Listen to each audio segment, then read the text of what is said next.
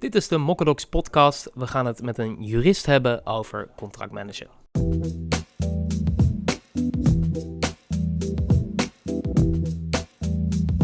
Welkom, leuk dat je kijkt of luistert naar deze aflevering van de Mokkadox podcast. Ik ben Bram van Montvoort, copywriter bij Mokkadox en uh, dit is Jasper Oude Vrielink. Welkom. Ja, klopt, dankjewel. Een student rechten, maar ook uh, bezig geweest met een uh, contractmanagement pilot bij nou, een van de grootste bedrijven in Oost-Nederland. Klopt.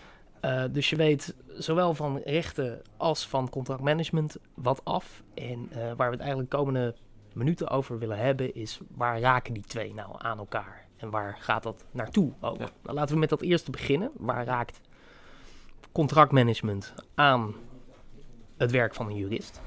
Nou ja, wat ik met name zie is dat uh, de juridische wereld ook wel richting het digitale uh, uh, tijdperk aan het bewegen is. Um, en daarbij is het heel belangrijk dat je bijvoorbeeld contracten, dat is vaak privaatrechtelijk, binnen bedrijven afgesloten tussen twee personen, dat, die, dat daar zoveel juridische bepalingen in zitten, dat uit één artikel al heel veel doelstellingen en um, acties te halen zijn. En die kunnen allemaal in een contractmanagement systeem gemanaged worden. Um, je ziet ook bijvoorbeeld dat uh, bij een advocatenkantoor of een notariskantoor nog heel veel op de klassieke manier gaat. Dus via ordners, dossiers.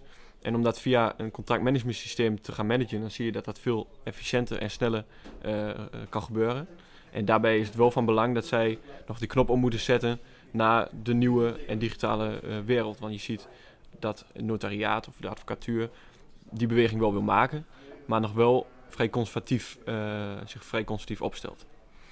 Ja, ik heb ook een beetje zo'n beeldje voor me, notaris, ja. een chique oude man met een, een mooi kantoor en dan, ja, maar al je zegt uh, heel uit één bepaling in een contract ja. kun je al heel veel afspraken halen. Klopt ik kan me wel voorstellen, er staan zoveel afspraken in een contract. Is dat praktisch wel haalbaar als je dat allemaal in zo'n systeem gaat zetten?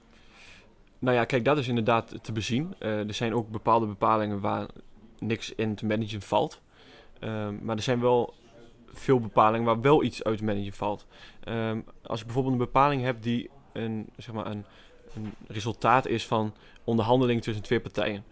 En dat is een juridische tekst geworden waarbij alle partijen tevreden zijn met het resultaat. Maar het is op, op zodanig uh, manier geformuleerd dat het een vrij lastige tekst is. Waarin wel heel veel doelstellingen zijn genoemd. Dan is het wel van belang om dat eruit te filteren en dat vervolgens te gaan managen. Wacht even. Als ik het goed begrijp, uh, want je hebt in onderhandelingen van, uh, nou, u levert dit bijvoorbeeld en wij geven zoveel geld ervoor terug. Mm -hmm. Je hebt dingen waar je het gewoon over eens bent. Ja dat zijn misschien niet dan de dingen waar je, uh, in de, die je in het contractmanagement systeem gaan zetten. Nee. Maar de dingen waar het een beetje erom spande. Ja.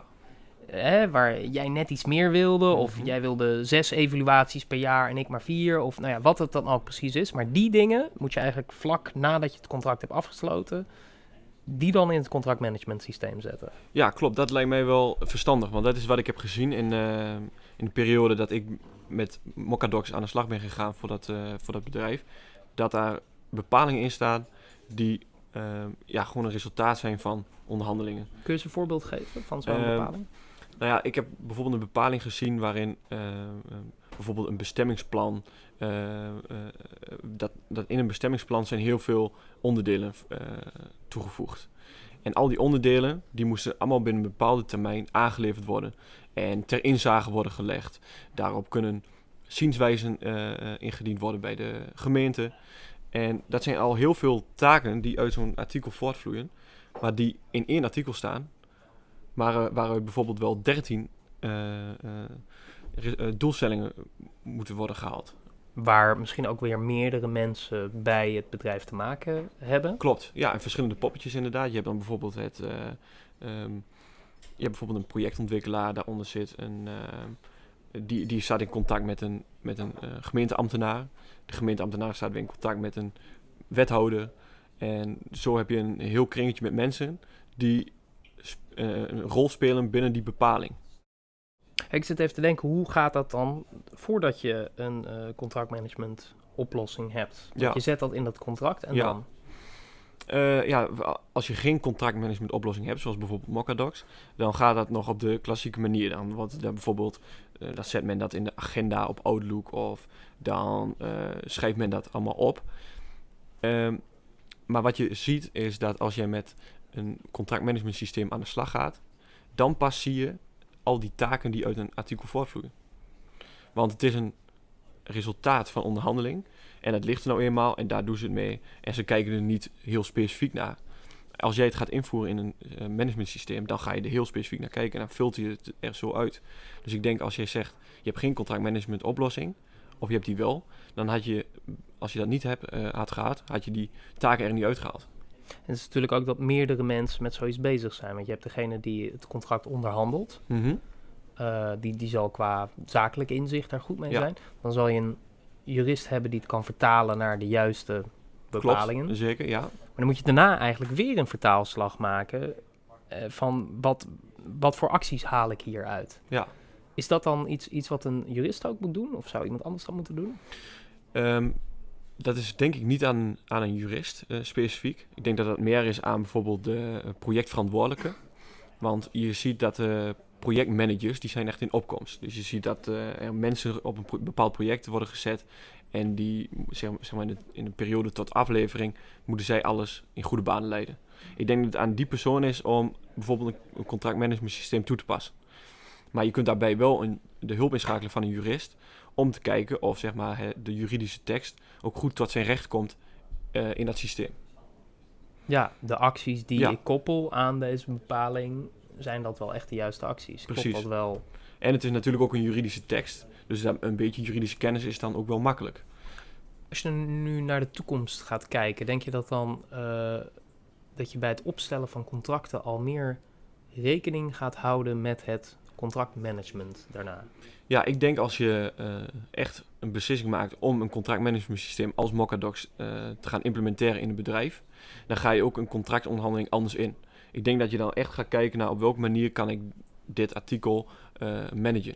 En niet meer naar, ja, wat is voor mij het beste resultaat. En ik heb het contract afgesloten, er staat een handtekening onder. En dan kijk ik er af en toe naar als er bijvoorbeeld iets aan de hand is. En anders dan ligt die in de want juristen hebben soms wel een beetje die, die, naam van ja, en maar zoveel mogelijk juridisch uh, uh, teksten erin. Ja, maar...